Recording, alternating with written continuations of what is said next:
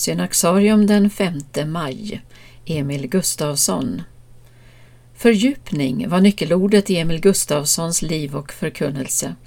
Han föddes år 1862 i Kräcklinge socken utanför Örebro och växte upp i ett fromt kyrktroget hem. I tonåren falnade hans religiösa engagemang men så kom väckelsen till byn.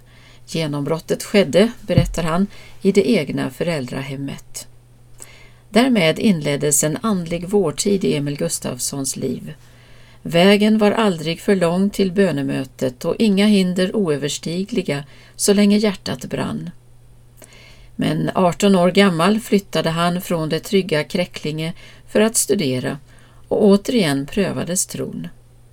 Väckelsen i Kräcklinge hade fört Emil Gustafsson in i den nyevangeliska väckelsen den rörelse som hade Carl Olof Rosenius, Lina Sandell och P.P. Waldenström som förgrundsgestalter.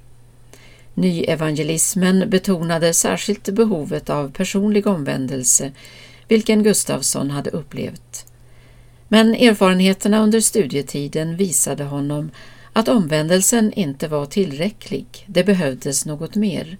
En fortsatt fördjupning tycktes nödvändig och här gav den lutherskt präglade nyevangelismen alltför lite vägledning.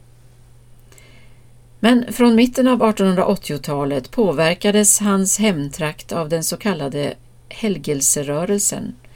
Här fann han det han saknat i den nyevangeliska väckelsen, visionen om en väg till fördjupning bortom omvändelsen. Ett spadtag djupare var också rubriken på hans första artikel i Helgelseförbundets tidning Trons segrar.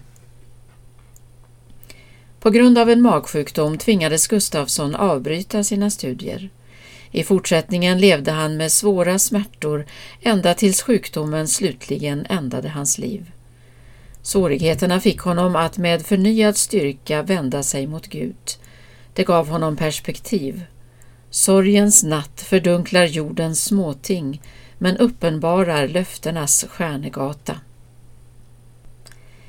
I sin förkunnelse förenade Gustavsson lidandet och den andliga fördjupningen.